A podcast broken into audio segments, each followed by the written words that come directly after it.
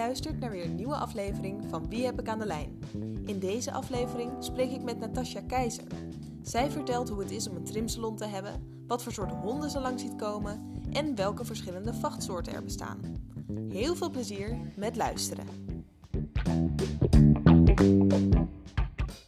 Welkom bij een nieuwe aflevering van Wie heb ik aan de lijn? Ik ben Hella en ik zit hier samen met Natasja en we spreken vandaag over alle ja, activiteiten rondom een trimsalon. Hoe is het om een trimsalon te hebben? Uh, wat gebeurt er in een trimsalon? Welke honden zien het meest voorbij komen? Eigenlijk alles wat ermee te maken heeft. Uh, welkom Natasja. Fijn dat je er weer bent. Ja, zeker. Gezellig. Ja, zeker gezellig. um, laten we beginnen met uh, jouw verhaal. Hoe ben jij trimster geworden en hoe heb je een eigen trimsalon? Hoe ben je die begonnen? Hoe ben ik die begonnen? ik ben ooit als middelbare school bedacht, nou, wat, wat wil ik nou eigenlijk echt gaan worden? Uh, paardrijjuf of zo. Dat was denk ik wel dat wat ik als, als meisje wilde. Nou, dan ga je de opleiding doen, iets met dieren. Want ja, je wil een beetje de dierenkant op. Mhm. Nog nooit, ik wist niet eens dat een trimsalon bestond. Honden trimmen, geen idee. Dus dat ik... Had je wel zelf een hond? Ja, we hadden een bouvier, maar mijn vader deed dat gewoon zelf. Gewoon met die tondeuzen, gewoon huppatee. Ja, okay, ik kan me ook niet zo heel erg veel meer van herinneren eigenlijk. Ik weet alleen dat die ene dag was die hond lang en de volgende dag was hij kort. En... ja, maar die, die hebben we tot mijn twaalfde denk ik gehad. Ja, zoiets. Dus wel een beetje nog in een wel vrij jonge fase. Dus, Ja. dus ik wist helemaal niet dat dat, dat bestond. Honden, honden, katten trimmen. Toen ben ik bij op een hele fijne, leuke manier bij het dierenasiel terechtgekomen als baan. Want ik moest voor de opleiding uh, werk zoeken en ja, een dierenwinkel of zo. En toen ben ik uiteindelijk uitgenodigd door het dierenasiel om op sollicitatie te komen. En daarvoor aangenomen. Nou, ik was helemaal perplex. Ik met mijn 16 jaar werkte in een dierenasiel. Ik moest ineens honden en katten aan mensen gaan verkopen, herplaatsen. Dus nou, dat, dat, dat heeft me heel erg volwassen gemaakt, ten eerste. Want als jij 16 bent en jij moet ineens uh, moeilijke, tussen haakjes moeilijke uh, herplaatsers bij Mhm. mensen gaan plaatsen. En je moet dus ook nee verkopen. Ja, ik heb hier toevallig uh, laatst nog een podcast over opgenomen. En over hoe ingewikkeld het kan zijn om een goede match te maken. Zo. Als jij 16 jaar was en je was op dat moment herplaatser, Ja, uh, of tenminste iemand die dat regelde, um, vond je dat niet ontzettend spannend? onwijs spannend. Maar op dat moment ben je 16. Dus dan, dan staat jouw hele hoofd... Dan ben je nog niet volwassen. Dus dat stukje eng kan je, heb je nog niet of zo. Ik vond het wel heel spannend en ik wilde het heel graag leren. En ik had heel erg de ambitie dat ik um, de juiste hond bij de juiste persoon wilde plaatsen. Want die honden zitten daar niet voor niks. Sommige natuurlijk omdat iemand is overleden of, uh, of uh, uit huis geplaatst. En dan ben je alleen maar blij dat je die hond nog een mooi leven kan bieden. Maar dan moet je wel de juiste persoon daarvoor vinden. Dus dat was voor mij een hele mooie uitdaging om dat te gaan doen. Maar toen was ik dus 16. Mm -hmm. Nog steeds geen idee dat er überhaupt een hondentrimsalon bestond. Echt geen idee. Ook wel hilarisch. Ja, eigenlijk achteraf een beetje raar ook. Maar ja, maakt niet uit. Het hoort er nou helemaal bij.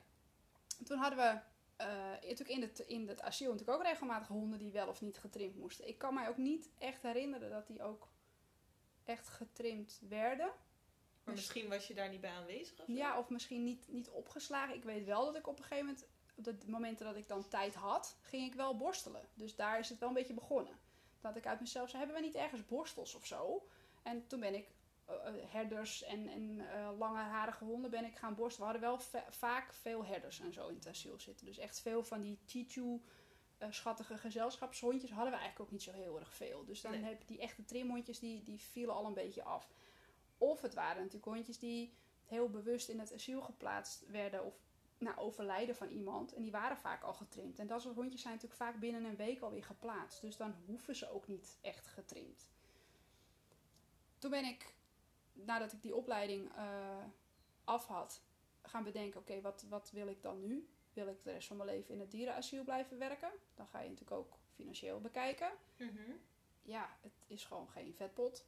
En uh, ja, wat wil je dan verder nog? En toen hadden we een stagiaire bij ons. Die ging voor honden en katten besluiten om een kattenpension te willen beginnen aan huis. En zij had een hondentrimsalon. Hondentrimsalon? Wat is dat dan? Nou ja, daar doe je honden en zo eh, knippen. En ik doe ook wel wat katten. En nou, wat leuk en wat apart en grappig en leuk. En. Nou, toen heb dat mijn interesse wel een beetje gewekt. Toen ben ik een dagje met haar mee gaan lopen. om te kijken of ik het misschien wat zou vinden. Vond ik toch wel erg interessant. En aan het begin denk je, oh leuk met hondjes werken. Nou, dat is het gewoon niet. Het is niet leuk met hondjes werken. Want de honden vinden het helemaal niet leuk om naar de trimsalon te gaan. En dat is ook wel mijn... Dat zal wel even een teleurstelling zijn geweest, of ja, niet? maar ik denk dat, ik denk dat we dat eh, bijna allemaal wel zo een soort van ervaren. Je gaat eh, bepaald werk doen omdat je dat leuk vindt om te gaan doen. Want je wilt graag met die, leuk met dieren werken. Ja, ja, zeker. En nu ik natuurlijk al tien jaar bezig ben, heb ik ondertussen ook echt wel een hele groep honden die het wel heel erg leuk vinden om bij me te komen. Maar ik heb ook echt heel veel honden die, het, die bij de deur zeggen, nou doe maar niet. Maar dat is omdat ze of in de klit zitten of eh, vervelende ervaringen hebben Mhm. gehad. Of, dus dat zijn echt twee hele verschillende groepen. Dus toen ben ik de opleiding gaan informeren. eh, nou, met mijn ouders overlegd. Nou, ik ga toch wel de opleiding doen. Eh, dus toen ben ik eh, stage gaan lopen bij die persoon die bij ons ook de stagiaire was. En na een jaar ongeveer ehm, stopte zij met de trimsalon en is zij eh kattenpension begonnen. Dus toen moest ik daar weg. En toen ben ik een andere stageplek gaan zoeken. Toen ben ik op mijn laatste stageplek zeg maar, terechtgekomen. Daar hadden wel meer stagiaires. En dan de een was al bijna, af, bijna klaar. En de ander begon net. Dus dat was heel erg leuk om dat met elkaar allemaal zo mee te maken. Daar heb ik uiteindelijk toch wel acht, negen jaar rondgelopen.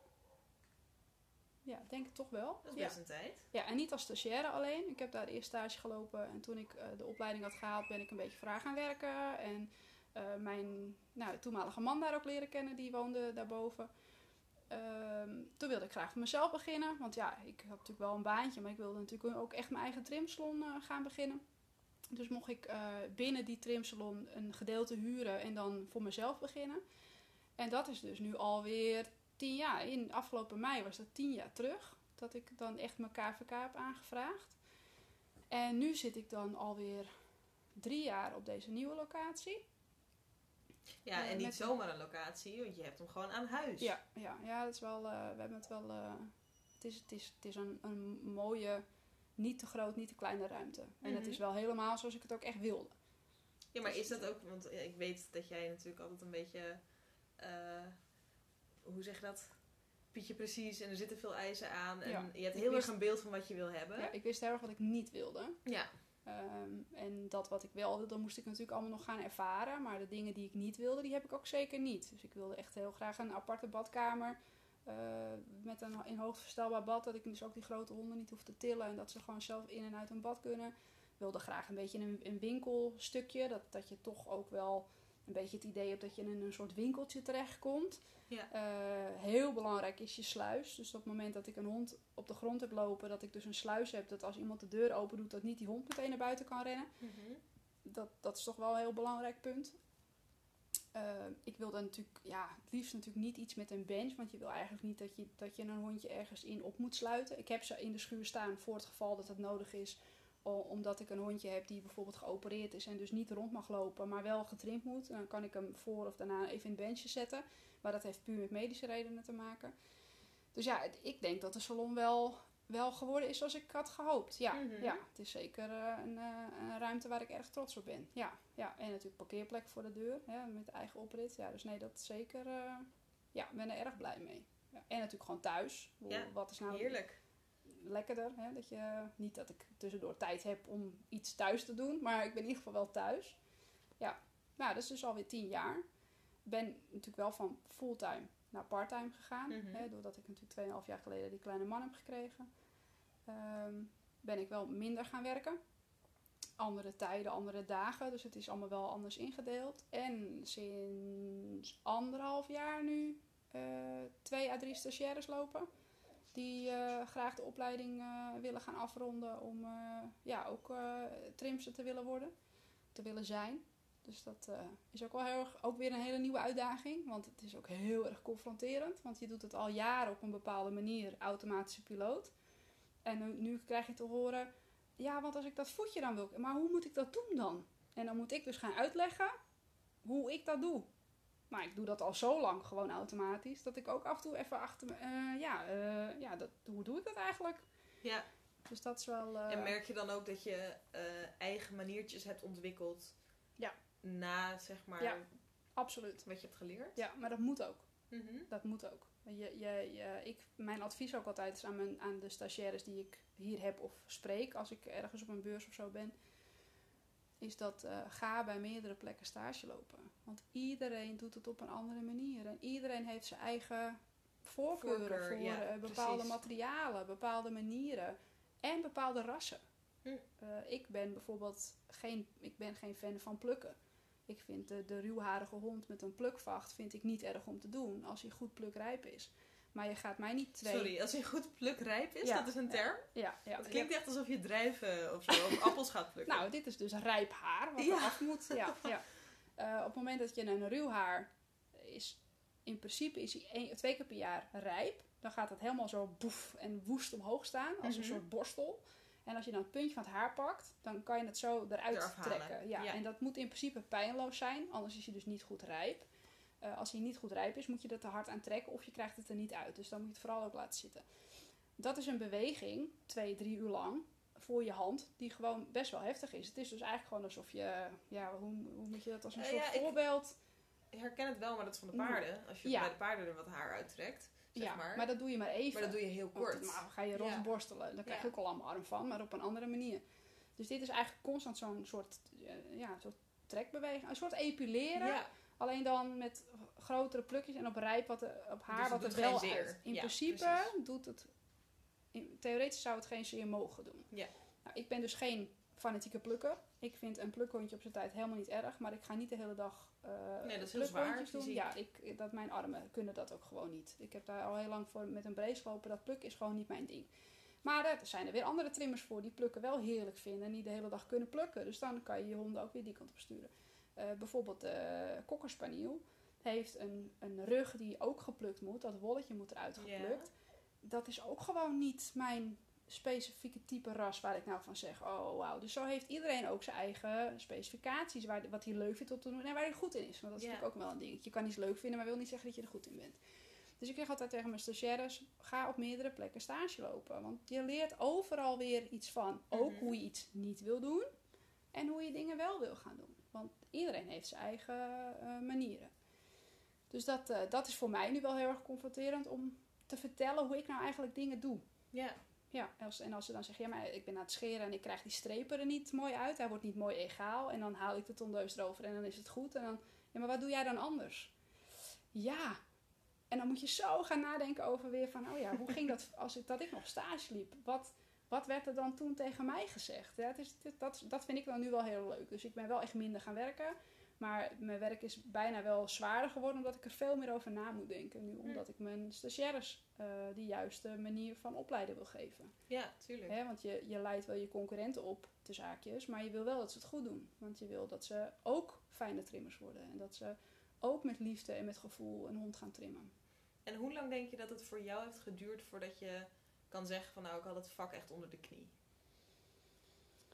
Ik heb ongeveer 2,5 jaar stage gelopen. Toen wel in één keer mijn opleiding gehaald. Dat is ook wel vrij knap dat je gewoon in één keer je examens haalt. De gemiddelde eh, moeten toch wel twee, drie keer herexamen doen voor verschillende onderdelen. Hoor. Dus het is niet allemaal Niet één geslaagd. examen, Nee, ja, ik had vier onderdelen en ik heb ze alle vier in één keer gehaald. En de, de meeste uit mijn klas moesten nog een keer twee herexamens doen en daarna nog één. En echt per onderdeel. Dat heeft gewoon met die vachttypes te maken.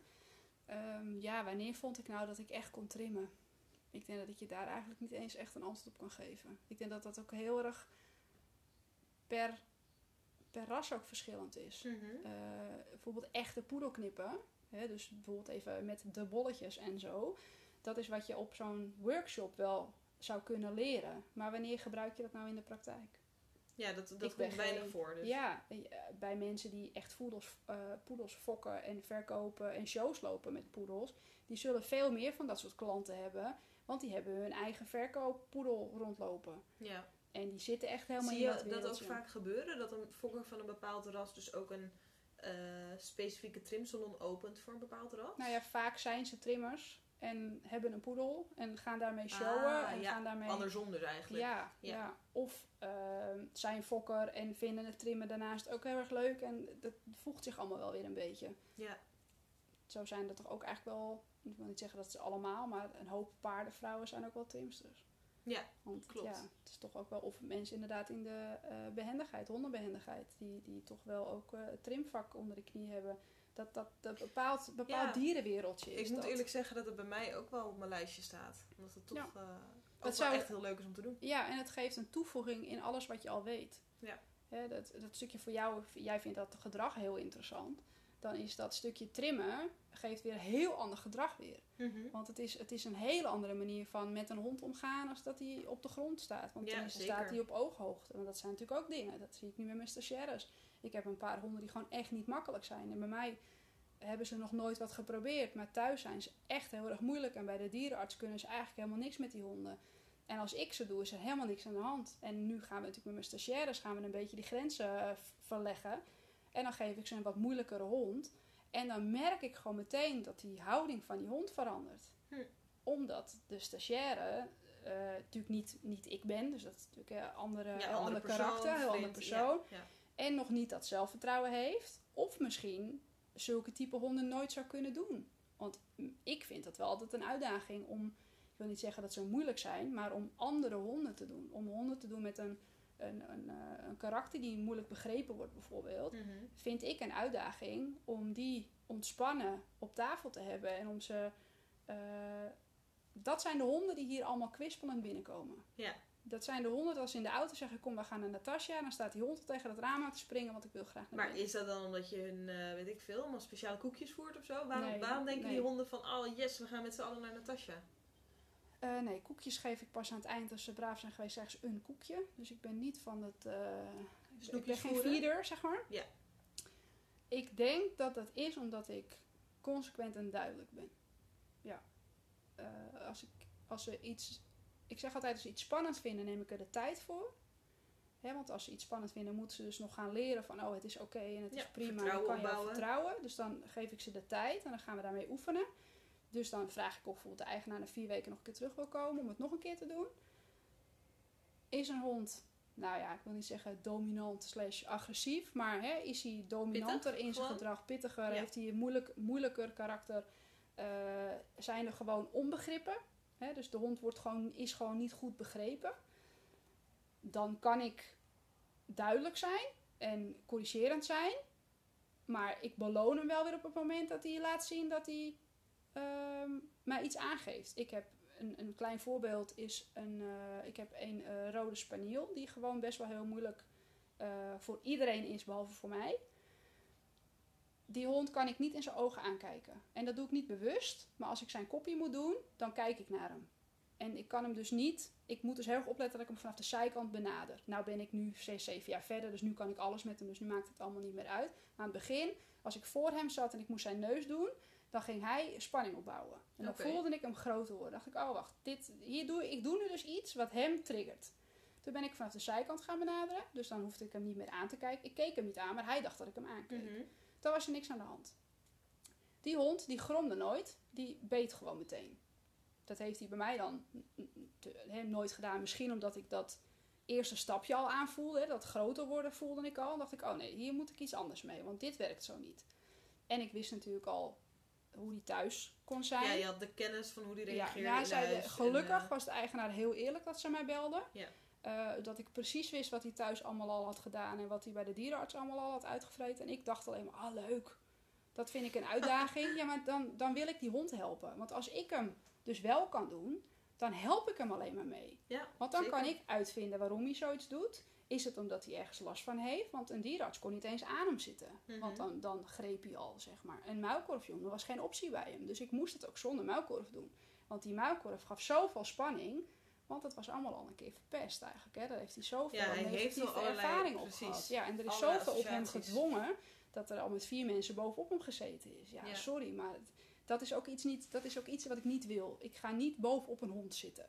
Ik wil graag dat de hond mij vertrouwt en mij dus accepteert dat als ik iets vervelends moet doen, en dat kan van nagelknippen zijn of er zit een dikke klit tussen zijn tenen, wat heel vervelend is, maar eh, laat me gewoon even, want ik ga je echt helpen. Dat kan ik nu allemaal bij hem. Mhm. Eh, maar die hond, die kan ik dus nu door, die kan ik nu door mijn stagiaires wel laten doen. Maar een half jaar geleden kon ik daar nog niet mijn stagiaire bij zetten. Omdat zij nog niet de, de juiste Ja, ze was nog niet ingetuned op wat jij, Nee, jouw manier van werken. bepaalde, Je moet natuurlijk een bepaalde vibe afgeven ook. Mhm. Je mag absoluut niet laten voelen dat je iets spannend vindt. Want daar gaat die hond of positief of negatief natuurlijk op reageren. Eh, hij is heel onzeker. En op het moment dat ik onzeker doe, wordt hij nog onzekerder. Mhm. En ik heb, ik heb hem nu zover dat hij naar me gromt. Nou, ik ben helemaal trots dat hij gromt. En dan zegt iemand dan, ja, ben je trots dat hij gromt? Ja, maar hij geeft nu aan dat hij iets vervelend vindt. Ja, hij durft zich En te daar uiten. kan ik wat mee. Want op Ja. het moment dat ik dus een klit tussen zijn voeten weg moet halen... en hij gromt naar me... dan zeg ik, nee vriend, het is echt goed. Ik ga je echt helpen. En dan is het oké, dan mag ik het. Maar op het moment dat hij niet gromt en dus niks laat blijken... en in één keer zegt, dit doet zeer en hij bijt me... ja, dan, dan ben ik veel verder van huis. Dan heb ik en... Hm. Hij is eh, daarna helemaal onder de indruk wel, want hij, heeft, hè, want hij weet natuurlijk wat er gebeurt op het moment dat hij iemand heeft gebeten. Want zijn, zijn verleden is gewoon moeizaam gegaan. Dus ik ben heel blij dat hij nu eh, naar mij gromt. Ja. dat klinkt misschien heel raar, maar ik ben heel blij met dat hij dat nu doet. Nee, ik begrijp het wel. Ehm, ik zat ook nog eventjes te denken zeg aan... maar. Ja, precies. Hij communiceert en hij maakt dat contact. En daar... eh, ik denk dat je daar inderdaad heel blij mee moet zijn. Ja, ja, ja, dan ben ik ook echt heel En blij. het klinkt wel alsof het ook, naast dat het natuurlijk gewoon lekker werken met dieren is, dat het soms ook. ehm, nou, je moet wel aan je eigen veiligheid denken. Ja, ja. En ook de veiligheid van de dieren. Want zoals je eh, volgens mij in deze podcast of in de vorige al eerder zei, je werkt met scherpe materialen, Ja. omdat je natuurlijk gewoon hoogwaardige kwaliteit schade, Nou ja, tondeuze messen. Als het niet scherp is, kan ik niet werken. Precies.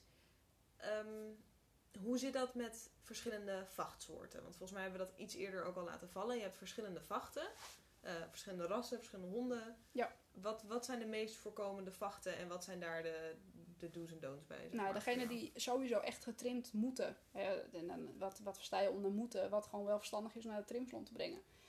Is de, de, de knipvacht. Hè, dus de, alles wat lang haar heeft, wat je in kan korten. En dan heb ik het over de, de Chichus, Maltesers. Alles wat eh, langer wordt dan dat jij graag in huis wil hebben. Mhm. En officieel horen die natuurlijk helemaal lang in het haar te staan. Maar ja, zolang je geen shows doet en, en hè, gewoon als huishond houdt, kan je er natuurlijk elke lengte op bedenken die je zelf eh, leuk vindt. Ja, Ja. dus dat zijn de, de vachten die, eh, die doen wij knippen of inkorten met tondeuze of schaar. En tondeuze of schaar maakt echt geen verschil. Sommigen zeggen van ja, nee, je mag hem alleen knippen en niet scheren. Nou, of je nou met een, een scheerkop er langs gaat of met een schaar, het snijdt allebei. Dus dat maakt echt helemaal geen verschil. Oké. Eh, het klinkt wel zo voor een leek Ja, als mezelf. Maar daarom zeg ik het ook, want heel Ja. veel, bijvoorbeeld de Labradoodle, nee, hij mag niet geschoren, hij mag alleen geknipt. Nee, een tondeuze knipt net zo als een schaar, alleen hij doet honderd keer heen en weer in een seconde en mijn schaar maar één keer. Oké. Dus dat is het enige verschil. En met een tondeuze maak je minder eh, schade als met een schaar. Want als je met een schaar ergens inknipt, heb je gewoon echt een, een, een Een gat. gat. Ja. En met een tondeuze, tuurlijk kan er ook een keer wat mee gebeuren als er een velletje tussen komt. Maar in principe is een tondeuze veiliger, vooral als het om klitten gaat. Is de tondeuze gewoon veiliger om met een scheerkop onder een klit door te glijden. Als dat je met je schaar onder een klit gaat zitten vroeten. Want je gaat toch aan velletjes trekken en dan maak je Mhm. eigenlijk alleen maar meer schade mee. Dus dat is die, de knipvacht. Daar hoort natuurlijk ook weer bijvoorbeeld de, de poedel en de labradoodle eh, type wel bij. Maar die hebben natuurlijk meer een krulvacht. En in de doodle heb je ook nog de curly coat. Eh, die hebben wat meer een soort slag in plaats van een krul. Maar die gaan natuurlijk ook allemaal, eh, worden ook ingekort met tondeus of schaar. Net, net hoe de vacht het aan toe is en wat de eigenaar wil. Dan heb je nog de kort haar, zoals eh, Jack Russell bijvoorbeeld. Die eh, zie je minder veel in de trimsalon, maar die krijg ik ook heel regelmatig. Labrador, gewoon puur voor het onderwollen. Mhm. Oh, hij verhaart zo heel erg. Dus dan, dan kan ik je zeker helpen om van het haar af te komen. Met wassen en waterblazen. Dus denk niet dat die honden niet moeten. Ze, ze moeten niet, maar ze kunnen zeker. Ja. Eh, en ik kan echt heel, een trimzone kan echt heel veel voor je betekenen met een hond die heel erg verhaart. Dan heb je nog de, eh, die stokhaar. Dat is de herder, eh, husky, eh, weet je, alles waar gewoon die hele grote dikke plukken wol uitsteken. Mhm. Dat je denkt, oh, daar wil ik heel graag even eh, zo aan. Hè? Soms zie je ze wel eens lopen en dan gaan mijn handen me jeuken dat ik al die plukken eruit zie Ja, steken. jij ziet dat natuurlijk als het langskomt. Ja, ja. Nou ja, en zoals je eigen natuurlijk, Mats, is natuurlijk ook Ja. het ontwollen. Dus die zijn zeker eh, ehm, ja, belangrijk in de salon. Daar kan je gewoon heel veel eer op behalen.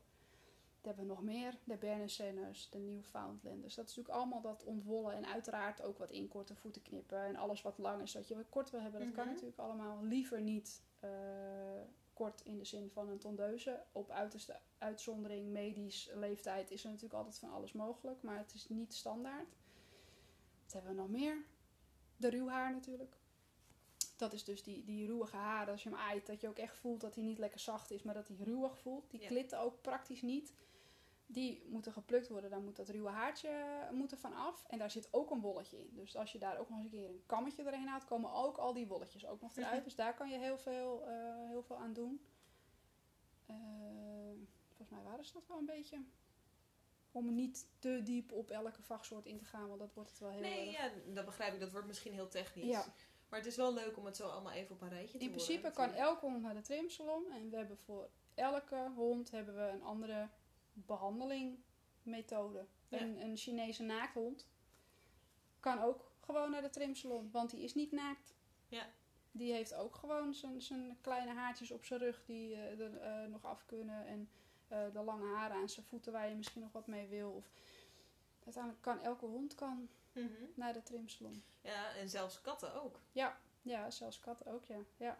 Ik, ik maak er geen reclame voor, omdat ik wil voorkomen dat ik eh, de moeilijkste krijg. Hè? Want katten kunnen gewoon heel, heel moeilijk Ja, zijn. en je hebt natuurlijk ook speciale trimsalons voor katten in het bijzonder. En Ja. die zijn daar wat beter voor geschikt. Nou ja, die, die willen natuurlijk echt alleen maar katten doen. Want die Ja. hebben natuurlijk geen, geen hondensalon. Eh, maar ik heb toch ook wel een flink kattenbestandje staan. Ja, ja, en de een gaat inderdaad lang uit op tafel liggen en die vindt het allemaal wel prima. En thuis mag er helemaal niks mee. Eh, en een ander moet ik ook eh, iets meer in een, in een houtgreep houden. Eh, een, een fatsoenlijke, hè, wat mama vroeger ook deed, houtgreep om de klitten onder de oksels vandaan te halen. En de korthaar komt ook. Dus ik heb ook de kortharige kat die, die komt om te ontwollen. En daar komt een haar uit. Daar, daar word ik Ja. elke keer schrik ik er nog van. Dan ben ik klaar en dan ligt het ernaast en dan denk ik, is gewoon nog een kat. Ja. Ja, maar dan, dat heb je wel de hele dag in je huis lopen. Dus ook kortharen, als ze thuis niet, niet goed gekamd kunnen worden, om wat voor reden dan ook. Omdat ze het niet toelaten of omdat je er zelf niet handig genoeg in bent. Eh, is ook zeker een mogelijkheid voor om naar de trimsalon te gaan. Ja, Ja, dus Ja. de conclusie is eigenlijk voor de meeste honden geldt dat een eh, eh, regulier bezoek aan de trimsalon is gewoon goed. Dat Ja. hoort gewoon bij de verzorging. Dat is Ja. gewoon eh package deal. Dus is niet je En de een komt elke zes weken, een ander komt één keer per drie Ja. maanden. Ik heb ze ook, die komen twee keer per jaar. Maar ik heb ook honden die komen alleen één keer voor de zomer. mhm.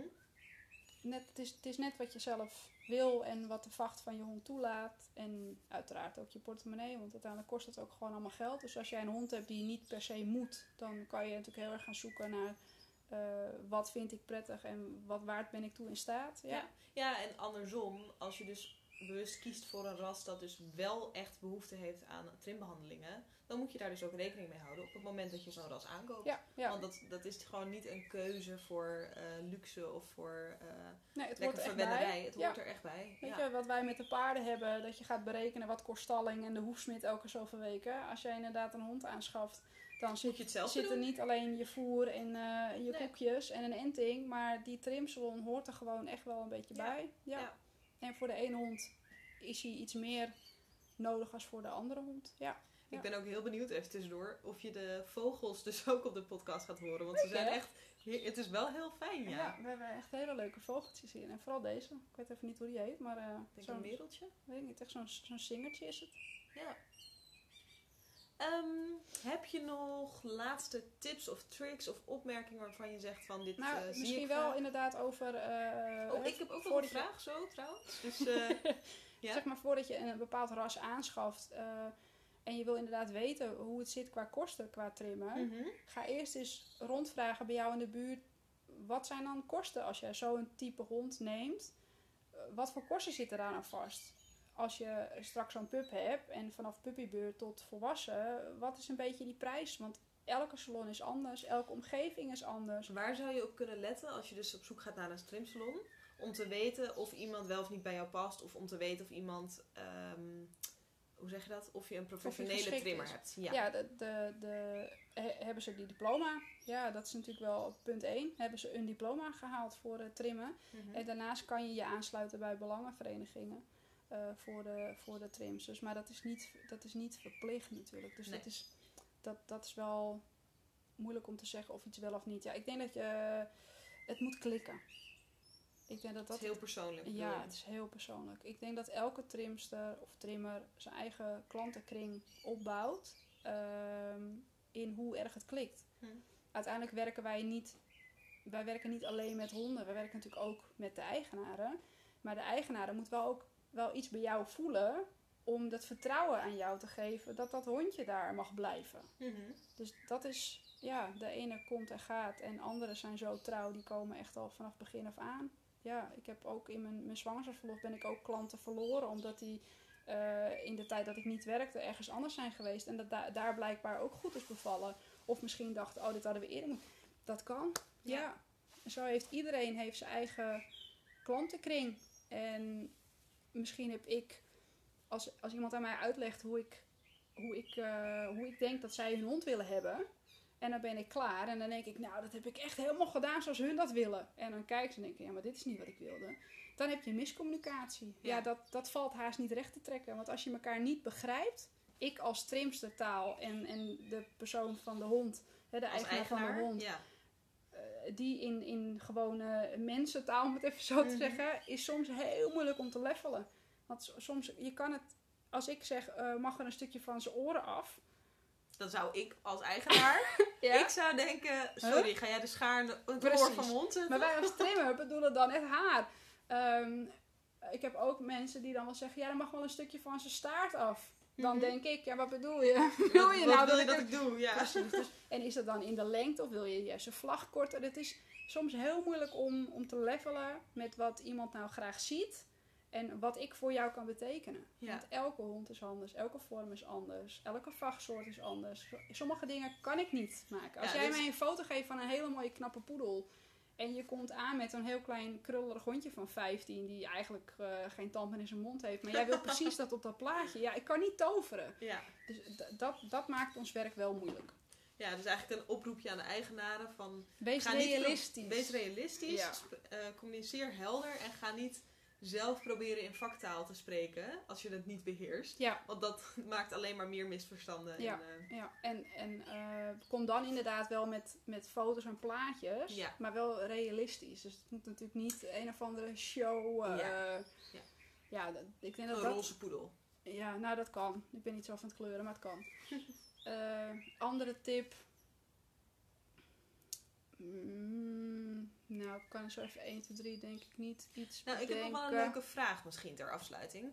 Ehm, wat gebeurt er met het haar van mijn hond op het moment dat hij hier getrimd is? Wat, waar laat je het? Wat gebeurt ermee? Gaat het gewoon de kliko in? Ja, ik wou zeggen, het is eh, niet zo heel romantisch hoor. Het gaat eigenlijk gewoon die kliko in. Eh, waar ik voorheen zat, hadden we wel iemand die wilde heel graag het wol hebben. Dus als ik honden had met wol, gewoon echt goed veel wol. Eh Golden Retrievers, eh Berne Senners, Mhm. Newfoundlanders. Dan, of we dat dan apart in een zak wilden doen. En dan kwam zij dat ophalen en daar ging ze dan mee prikken. Dus dan ging ze een soort van filten. Oké. Dus wat je ook met schapenwol zeg maar, dat deed zij met dat wol van die honden. En dan ging ze er een, een Golden Retriever van filten of een Newfoundlander van filten. Dus dat, dat was haar hobby. En dan had ze per hondje, dat was echt nou ja, handgrootte, was ze twee dagen aan het, aan het filten. Prikken, filten, zo heet dat, ja. Dus ze zeggen wel eens, je kan het een beetje buiten gooien voor de vogeltjes. Dat ze een nestje kunnen maken, maar dat is ook weer heel erg achterhaald. Want dat haar kan weer om de pootjes van, de, van het vogeltje gaan zitten in het nestje, waardoor het pootje weer afsterft.